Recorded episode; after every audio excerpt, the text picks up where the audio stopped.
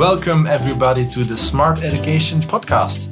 Another interesting episode, and today we have amongst us Dr. Toby Hall. Welcome, Toby. Thank you. Toby, uh, for the listeners who don't really know you, um, maybe I can uh, introduce you shortly. Um, Toby is a specialist musculoskeletal physiotherapist. He works at the Curtin University in Perth.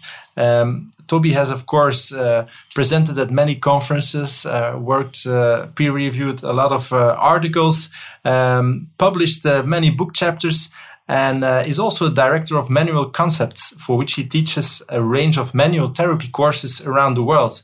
And th that is exactly the reason why we have you here today with us at Smart Education.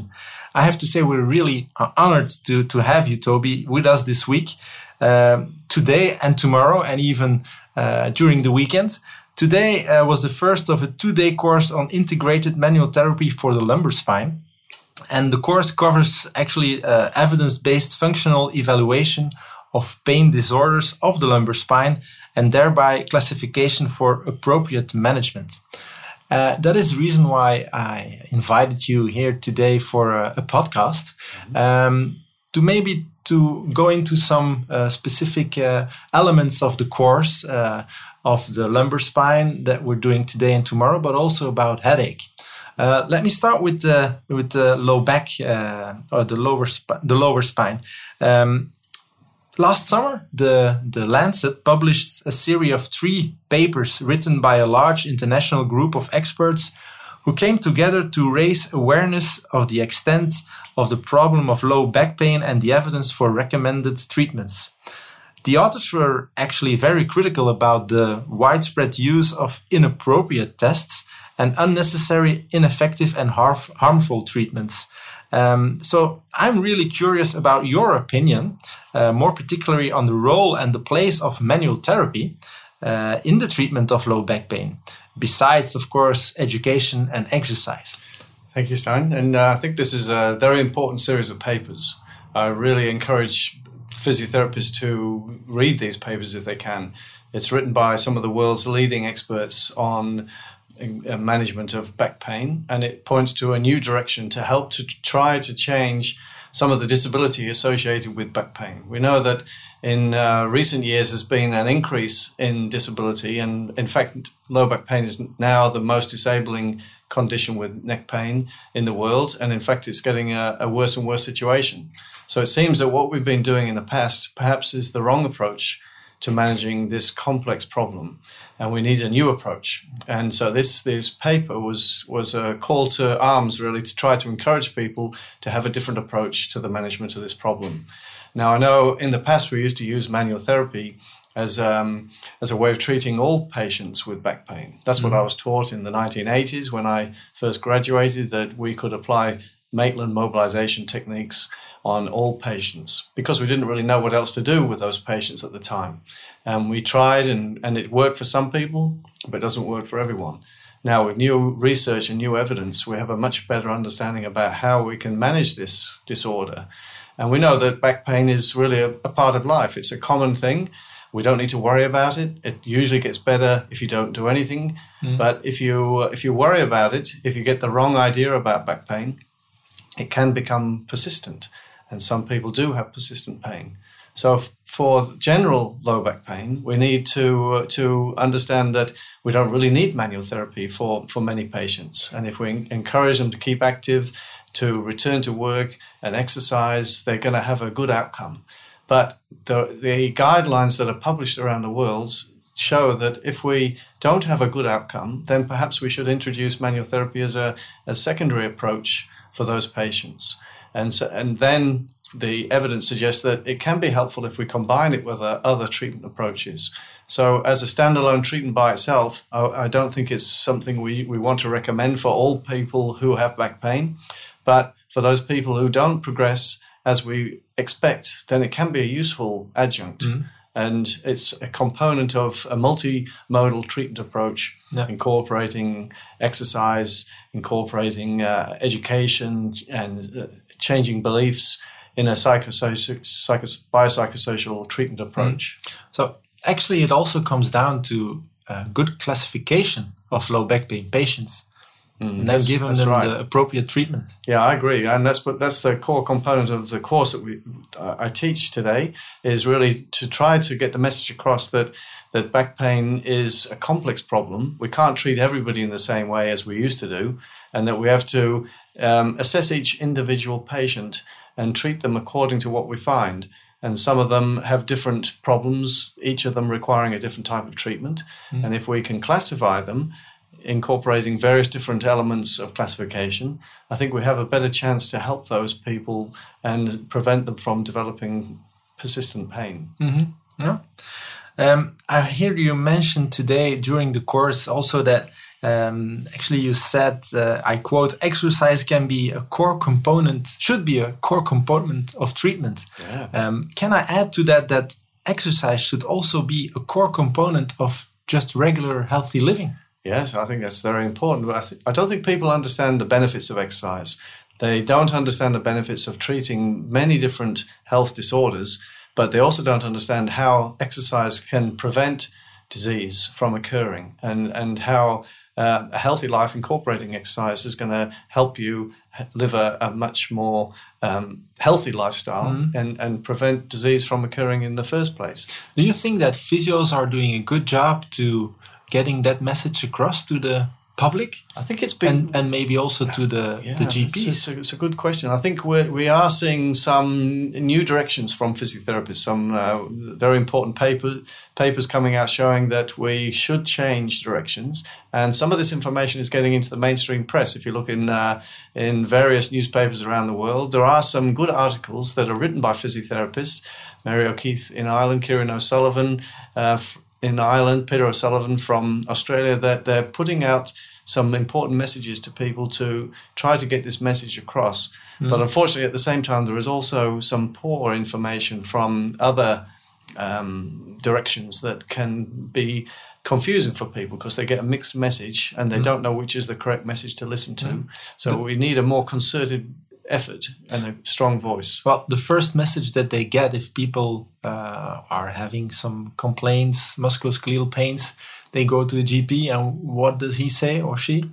Well, well you, you would take this pill, uh, have some rest, and if it doesn't get better, maybe we'll send you to a physio. That's right. That's a, so it's, it's tough message. to to compete to that as it a physio. Yeah. yeah. Unfortunately, yeah, physiotherapists are not so well listened to by the the general public and I think we, we don't have such a strong voice. But I think it's beginning to change. I do see that in uh, in the various messages that are going out to the public that I think we're on the the, the right path, the crest of a new wave, hopefully. Mm-hmm. Okay.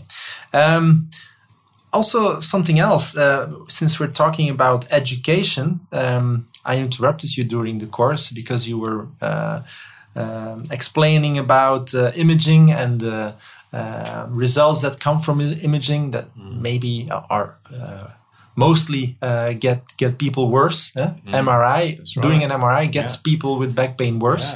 Yeah. Yeah. Um, and you said you said that it's important that physios should educate the patients about those results. Yeah.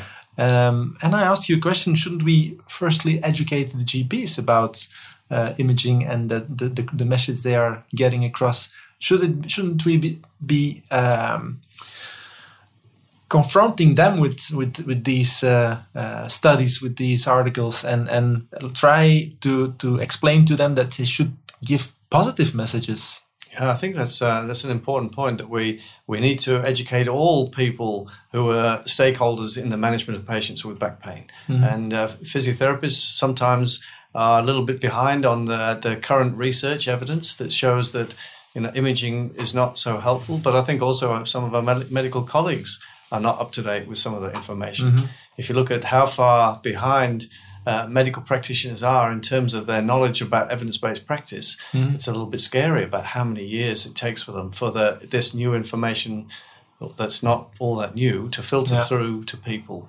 So we we I would encourage people to read the literature, yeah. particularly these new papers in the Lancet, and there's a whole series of other papers that as well that uh, giving some guidance about how we should use imaging. Imaging mm. is something that we need to consider when we think there may be a serious pathology, but for general practice, it's not important. Yeah. In fact, it could have a negative effect because people become fearful about what they see on the mm. imaging mm. in terms of degeneration or disc prolapse, and this becomes their, their main focus. So the, just the, the way that we describe what the imaging shows is important. And there's some important work from Ben Darlow and, and some of his colleagues and some of Peter O'Sullivan's colleagues who have looked into this important area to try to uh, inform people about what they see on this imaging. Mm. So I would encourage the, the doctors for sure to be yeah. aware of this new yeah. information. I remember Christian Barton uh, mentioning once, one of your fellow Australians uh, clinicians, that it takes about 17 years to uh, it's a crazy amount get, of time, isn't it? Yeah, evidence uh, yeah. into Through, practice. Yeah. That's right. Yeah.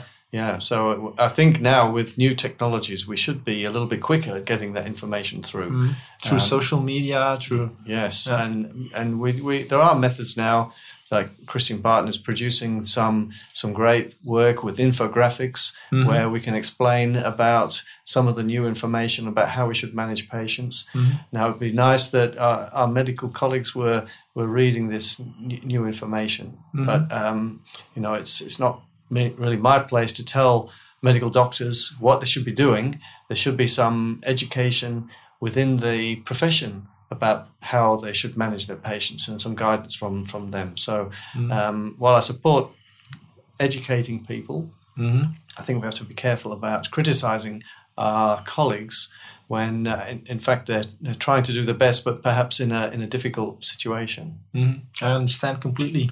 Uh, let's move on to another subject, uh, another topic. Um, about headache, uh, because later this week you will give a course on evidence based manual therapy examination and treatment techniques for specific headache disorders, including cervicogenic headache.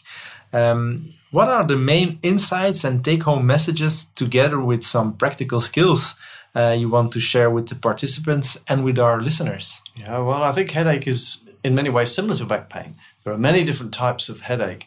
We know that headache is a disease as well as a symptom. So, it, you know, if you have headache secondary to, to a tumor in your brain, then clearly we have to be careful about how we treat that person. If you have headache because of a, a disease process like migraine, then it's a different situation completely. So, if you look at the International Headache Society, they have a classification system with more than 300 different types of headache. And not all of them are suitable for physiotherapy, never mind manual therapy uh, or exercise. So we first of all first of all have to classify the headache disorder, just to, like low back pain, like low back pain, and know that they do have a, a cervical spine problem that would respond to some treatments. Mm-hmm. And there's some good evidence that perhaps 4.1% of the global population suffer from cervicogenic headache. Mm-hmm. Perhaps 20% of all headaches uh, where people seek treatment in primary care could be cervicogenic in origin. Mm-hmm. So that means that we can help quite a proportion. We also know there's some evidence that we can help people with tension type headache. And that's the most prevalent condition of all headaches. Mm-hmm. If you mm. combine tension headache with cervicogenic headache, we're talking about more than 45% of the global population who suffer from those two types of headaches. Mm-hmm. But there are many other types of headache where we can't treat. So we have to be clear to differentiate between them mm-hmm. and then use appropriate treatments so we have some um, classifications based on subjective information and also based on physical examination criteria that we can use to differentiate the different types of headache. Mm-hmm. mm-hmm. And then we have a chance to be able to help those people. Yeah, yeah. Today there was somebody uh, who approached me who did the headache course last year, mm-hmm. and um, she also uh, follows the, the, the literature and also she's active on social media. And she said, I don't understand all this fuss about manual therapy that doesn't that it doesn't work. Mm-hmm. I went to uh, Toby's course last year and it's it works. I see my headache patients. I loved seeing a headache patient coming in because now I have some extra skills on uh, how to approach those uh, uh, patients, those those and, and use a classification. So That's great. It's that's good to uh, hear. Yeah. It's really nice to hear yeah. feedback from people who've been on the course and actually how, that's how it's worked. Why you do it as well. Yeah, it's really rewarding to to hear people have have used the, the and, I get lots of feedback from people who write to me by email mm-hmm. and um, and and have very positive feedback. Mm-hmm. I, I, know you don't tend to hear the negative feedback from people, mm-hmm. but mm-hmm. there, it's nice to get positive feedback and, and success stories from people who've treated patients mm-hmm. and had some very good outcomes. results with that. Yeah. Um, maybe a final question. Uh, um, maybe just one more. Um, I already asked a little bit about it, but maybe I'll, I'll, ask it again. What challenges holds the future for yourself in the first place, and maybe uh, go a little bit broader for physiotherapists around the world? Mm -hmm. um, are there specific areas of interest, for, for example, in research, that you think we should look out for? Yeah, that's a good good question. I think uh, the challenge is to bring practice uh, sorry, the evidence into practice so that we, we're trying to incorporate better ways to, to treat patients that are based on evidence. Mm-hmm. And that's, uh, that's always a challenge. I, I think manual therapy is at a crossroads. We have some, some important information based on the evidence to show that perhaps manual therapy is not as effective as we thought it was in the past. It still has a place, I think if mm-hmm. we apply it in a, but we need to know a lot more about when we should use it, how we should use it, and uh, how effective it might be for different conditions.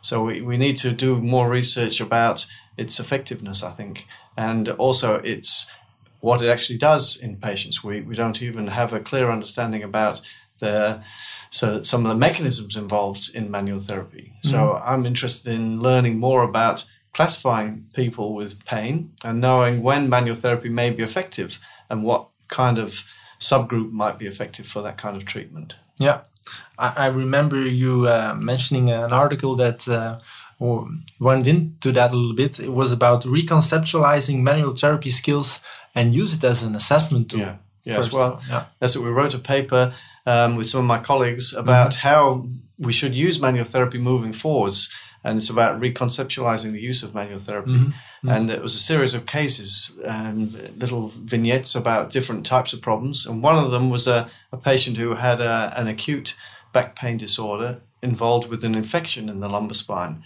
and how we might use palpation together with some other clinical reasoning information and skills that can help us to identify that this possible site of infection, mm-hmm. which could then be investigated further with other tests. Yeah. So I think manual therapy is uh, both uh, an assessment skill and it, it can also be uh, an intervention, but yeah. it's not suitable for everyone.